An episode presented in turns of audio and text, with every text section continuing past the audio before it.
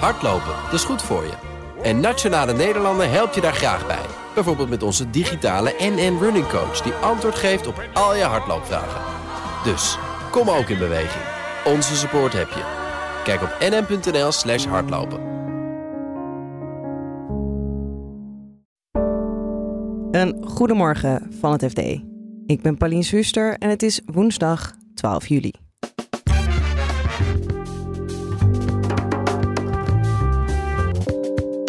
Er gaat 100 miljoen euro naar Smart Photonics. Het wordt gezien, zo'n fabriek, als zeg maar de spin in het web van zo'n potentiële fotonica-industrie. En Van Moof heeft rentebetalingen aan particuliere investeerders gemist. Als je crowdfunding eh, eh, kredietjes niet meer kan betalen of niet betaalt, ja, dan, dan is, dat, is dat wel een slecht teken. Dit is de dagkoers van het FD. Chipmaker Smart Photonics heeft 100 miljoen euro opgehaald. En met dat geld wil de Eindhovense fabriek een echte rol van betekenis gaan spelen in de chipindustrie. Je hoort onze chip-expert Sandra Olstorn. Elektronische chips zijn zeg maar onze gewone computerchips. Die werken, die dragen informatie over met behulp van de elektronen. En fotonische chips doen dat met lichtdeeltjes. Fotonen noem je dat is een technologie die al heel lang in ontwikkeling is. Maar ja, eigenlijk nu pas het laboratorium uh, zo'n beetje langzaam de laatste jaren het laboratorium een beetje uitkomt en toepassingen krijgt in de echte wereld, zullen we maar zeggen. En de belofte van die chips is dat ze sneller zijn en veel energiezuiniger. En dat ze allerlei nieuwe toepassingen, nieuwe, nieuwe apparaten mogelijk maken. Zoals bijvoorbeeld medische sensoren voor zelfrijdende auto's. Uh, ze worden al heel veel gebruikt in datacenters. Van alles. Ja, en ze zijn het is ook niet uh, zo dat verwacht wordt dat uh, fotonische chips de elektronische chips gaan verdringen of zo. Maar het idee is wel dat die dingen zo'n nieuwe toepassingen mogelijk kunnen maken. Dat je als het ware een nieuw soort chipindustrie gaat krijgen naast de chipindustrie die we ook al ja. hebben. En je zei al even, dit is al een tijd in ontwikkeling. Uh, die chipmaker bestaat ook al een tijd, dat Smart Photonics. Maar is dat dan ook een voorloper in de wereld? Um, Smart Photonics is bijzonder omdat het een van de weinige bedrijven is, toch de enige in Europa ook, die um, chips maakt op bestelling. Dus je hebt wel meer makers van fotonische chips, maar die hebben vaak een bepaald, die maken een bepaald type uh, fotonische chips. En zij maken in principe, kunnen in principe chips voor iedereen maken die er een bepaalde toepassing voor verzint. En daarom wordt dat bedrijf ook gezien als zo belangrijk voor de Nederlandse industrie, als het die die er nu al een beetje is en waarvan de Nederlandse overheid hoopt dat die veel groter gaat worden. Um, omdat als je zo'n uh, fabriek in je omgeving hebt, dan is dat aantrekkelijk voor bedrijfjes om uh, dit soort chips te gaan maken. Omdat je dan om de hoek een bedrijf hebt waar je je bedenksel meteen kan laten produceren en samen kan bedenken hoe je dat kan verbeteren. Um, dus het wordt gezien, zo'n fabriek, als zeg maar de spin in het web van zo'n potentiële fotonica-industrie. Hoe ingewikkeld was het dan om 100 miljoen op te halen voor zo'n spin in het web? Ja, ze zeggen zelf best wel ingewikkeld, want het is gewoon niet zo'n goede tijd op dit moment voor technologische high-tech bedrijven om geld op te halen. Dat is vaak sowieso al ingewikkeld. Dus vergelijk bijvoorbeeld met softwarebedrijven, omdat high-tech bedrijven moet vaak eerst een heleboel geld in om een product te ontwikkelen en dan weet je nog niet of het ooit wat wordt. Nou, dat probleem hebben ze dus sowieso. En daar komt dan ook nog bij dat nu, omdat de rentes gestegen zijn, het voor investeerders een stuk minder aantrekkelijk is dan een paar jaar geleden om geld te steken in uh, bedrijven waar heel veel risico aan zit. Uh, en dus was het best ingewikkeld, ja. een groot deel van de 100 miljoen die ze nu hebben opgehaald komt van de overheid. Dat wisten we ook al. Dat komt uit het Nationaal Groeifonds. 60 miljoen krijgen ze nu in één keer. Maar daar moest wel ook uh, privaat geld naast uh, gezet worden. Nou, dan zie je dat een aantal investeerders die ze al hadden, die stappen opnieuw in. Er komen wat nieuwe partijen bij, waaronder de ING. En ja, dat is wel interessant. Dus de drie, gro drie grote Nederlandse chipbedrijven, NXP, ASML en VDO. VDO doet van alles, maar uh, maakt ook onderdelen voor de chipmachines van ASML bijvoorbeeld. Ja, en ik begrijp dat dat van ASML ook best wel opmerkelijk is dat zij zo'n investering doen. Ja, ik uh, ken eigenlijk geen voorbeelden anders dan bij bedrijven waar ze zelf een belang bij hebben, die uh, toeleverancier zijn bijvoorbeeld. Volgens mij doen ze daar wel vaker. Maar um, uh, op deze manier heb ik het nog nooit gehoord van ASML. Ze, hebben wel, ze doen mee sinds een jaar, anderhalf jaar aan een investeringsfonds voor high-tech bedrijven. Maar dat is dus meer via via. Ja, maar Waarom het zo gaat, weten we. Nee, ze willen nu niet zeggen. Nee, ze hebben met z'n drieën een verklaring uitgedaan van we vinden het belangrijk om te investeren in het ecosysteem in de omgevingen. Ze zijn alle drie komen ze uit Eindhoven. Uh, zitten ze in de omgeving van Eindhoven. En um, ze vinden het belangrijk om wat te doen voor het Nederlandse en Europese fotonica-ecosysteem. En we wisten al dat de overheid het heel belangrijk vindt om deze sector nou ja, binnen te houden en groter te maken. Ja, wat, wat Nederland wil is voorkomen dat um, gebeurde wat er met de elektronica-industrie ook is gebeurd, waar heel veel uitvindingen eigenlijk in Europa zijn gedaan. Maar die hele industrie is in de jaren tachtig naar het buitenland verdwenen met de banen erbij. Uh, en die fout willen ze nu niet meer maken. Dus Nederland loopt uh, op bepaalde gebieden van die fotonica-wetenschap uh, behoorlijk voorop. En dat willen ze nu om kunnen zetten, proberen om te zetten met deze investeringen. Ook in een economische goede uitgangspositie. Ja. en dat is ook, zeg maar, wordt als politiek belangrijk gezien. Omdat chips natuurlijk um, ja, een belangrijke rol spelen in zelfs, zeg maar, geopolitiek gebied iedere regio wil uh, zijn eigen chips kunnen maken om niet afhankelijk te zijn van een ander en om niet afgeperst te worden, te kunnen worden als je ruzie met elkaar krijgt. Uh, en daar is dit ook een onderdeel van. Ja, je hebt uh, rondom dit verhaal ook een webspecial gemaakt die nu online staat. Waar gaat dat over? Wat kunnen mensen daar lezen? Ik geprobeerd te schetsen van wat probeert de Nederlandse overheid hier nou uh, mee te bereiken. Um, en uh, hoe kansrijk is dat eigenlijk? En wat zijn de risico's? Het is heel ongebruikelijk dat Nederland zoveel geld steekt in een, uh, in een industrie die nog zo jong is. sinds de jaren tachtig had Nederland heel afhoudend industriebeleid. Nou, we zien wel dat het op, meerdere vlakken dat dat de afgelopen jaren natuurlijk drastisch is omgeslagen. Maar het blijft bijzonder dat er zoveel geld naar gewoon best wel risicovol, uh, risicovolle bedrijfstak gaat. En ja, in dat verhaal ik een beetje geprobeerd te schetsen van waarom doen ze dat nou en uh, hoe, wat zijn nu de risico's. En wil je nou die special lezen waar Sandra het over heeft, dan vind je het linkje in de show notes van deze podcast. Maar je kan ook gaan naar specials.fd.nl.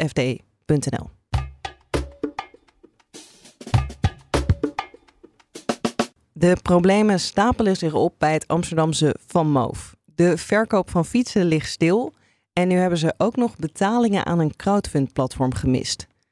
Je hoort retailredacteur Jan Braaksma. Van Moof heeft in 2017 en 2019 geld geleend van particuliere beleggers via crowdfunding. Elk half jaar moet het bedrijf daar rente op betalen. En vorige week zaten die uh, beleggers dus te wachten op een rente, maar die kwam niet. Van Moof heeft dus uh, uh, ja, een betaling gemist. Nou, dat, dat is al zeldzaam. Dat is nog nooit eerder gebeurd, heeft een investeerder aan mij, uh, mij verteld. En ja, de, het crowdfund-platform heeft ook meteen stappen ondernomen. Die hebben gezegd, hebben, we, hebben een bericht aan, van, de crowd, van het crowdfund-platform aan de investeerders. Waarin ze zeggen, ja, geachte investeerder, u, u heeft het gezien. De betaling van 3 juli van Van heeft vertraging opgelopen. We zijn in contact met het management en onderzoeken de situatie. En we hebben Van Moof met een sommatiebrief in gebreken gesteld voor het niet nakomen van de leningsverplichting. En we hebben het, uh, het bedrijf gesommeerd om binnen 14 dagen alsnog te betalen voordat de lening opeisbaar wordt. Dus met andere woorden, het is meteen al heel erg gejuridiseerd. En dat, dat is wel veelzeggend, want als iemand bij Van Moof gewoon vergeten was op een knop te drukken, dan had de crowdfunder wel naar zijn investeerder gestuurd. Er is iemand bij Van Moof vergeten op de knop te drukken, geen zorgen, het geld komt zo. Maar dit is meteen heel juridisch met sommatiebrieven en een ultimatum en mogelijk opeisen van de lening. Want wat houdt dat ultimatum in? Van Moof moet binnen 14 dagen de rente alsnog betalen. Anders kunnen die investeerders uh, uh, het geld dat zij ooit bij Van Moof hebben ingelegd en, het geld, en de rente die Van Moof daar nog op verschuldigd is, kunnen, zij per, uh, ja, kunnen ze meteen helemaal opeisen. Dus kunnen ze meteen eisen dat ze volledig terugbetaald worden. Ja, en, en dat is een groter probleem voor Vermoof dan alleen rente betalen. Want rentebetalingen zijn een paar ton hè, per, per half jaar. En ineens een paar miljoen terugbetalen aan investeerders. Nou, dat is een veel groter bedrag. Dus dat is een, heeft een veel grotere impact op het bedrijf. En wil Van Moof al iets zeggen over waarom ze niet hebben betaald? Nou, tot dusver niet. Hè. We moeten erbij zeggen, het is nu dinsdagmiddag iets voor zessen. En uh, we hebben keurig alle vragen gesteld aan Van Moof, maar er is nog geen antwoord op gekomen. Ze nemen de telefoon nog niet op.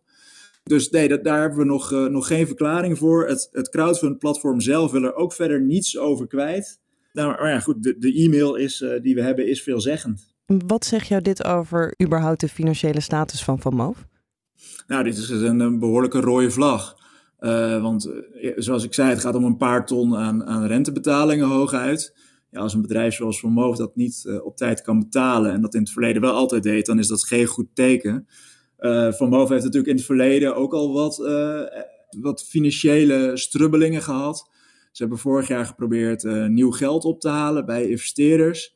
Nou, dat ging allemaal heel moeizaam en zo moeizaam dat de bestaande investeerders begin dit jaar hebben moeten bijspringen, omdat het bedrijf in zijn jaarverslag schreef: anders hebben we nog maar voor een paar maanden geld.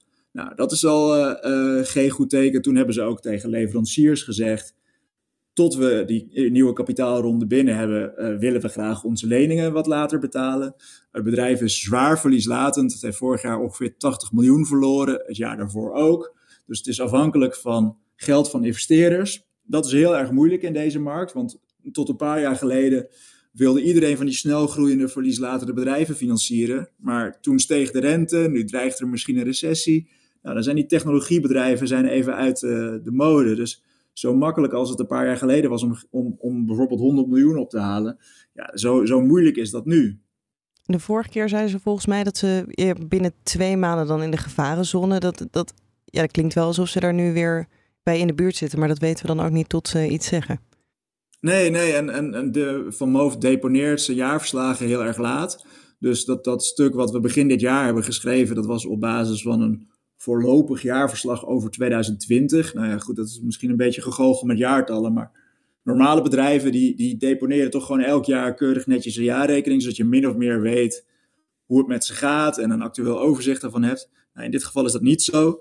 Uh, dus het blijft een beetje uh, raden, maar de, als je crowdfunding uh, kredietjes niet meer kan betalen of niet betaalt, ja, dan, dan is, dat, is dat wel een slecht teken. En dan kwam er gisteren, als je de podcast nu luistert, vandaag voor ons ook nog een bericht naar buiten dat ze ook geen fietsen meer verkopen. Dat kan ook financieel niet fijn zijn.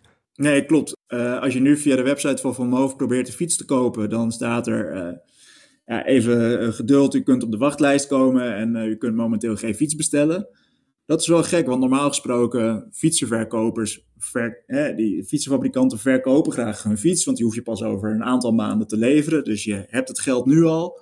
En zeker bij Van want die fietsen die worden nog wel eens wat vertraagd. Maar nu zeggen ze, ja, we, we leveren niet. Daarvoor heeft het bedrijf wel eerder een verklaring gegeven. En de verklaring was, ja, we hebben nieuwe modellen geïntroduceerd en die zijn zo succesvol dat we de vraag eigenlijk niet meer aankonden. Dat is nu een week of twee uh, al, al, aan de hand. En daarvoor was de verklaring eigenlijk, ja, we hadden een storingje bij de IT, waardoor je niet kon bestellen. Dus de verklaring wisselt ook wel een beetje. Uh, maar het is ook een probleem voor Vermogen, want de zomer is het goede seizoen om fietsen te verkopen. Hè. Mensen eh, zijn dan veel buiten en denken, nou, als het mooi weer is, ik, ik wil wel weer een mooie nieuwe fiets kopen. Dat doe je toch eerder in de zomer dan, als 10 graden vriest. Dus als je nu het loket dicht hebt, heb je in de, de meest gunstige tijd van het jaar heb je je winkel even dichtgegooid.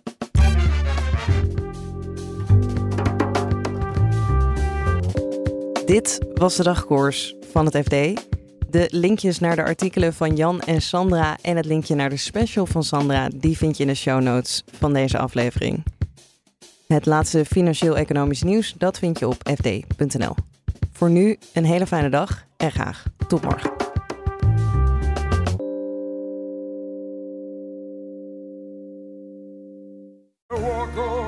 Hardlopen, dat is goed voor je.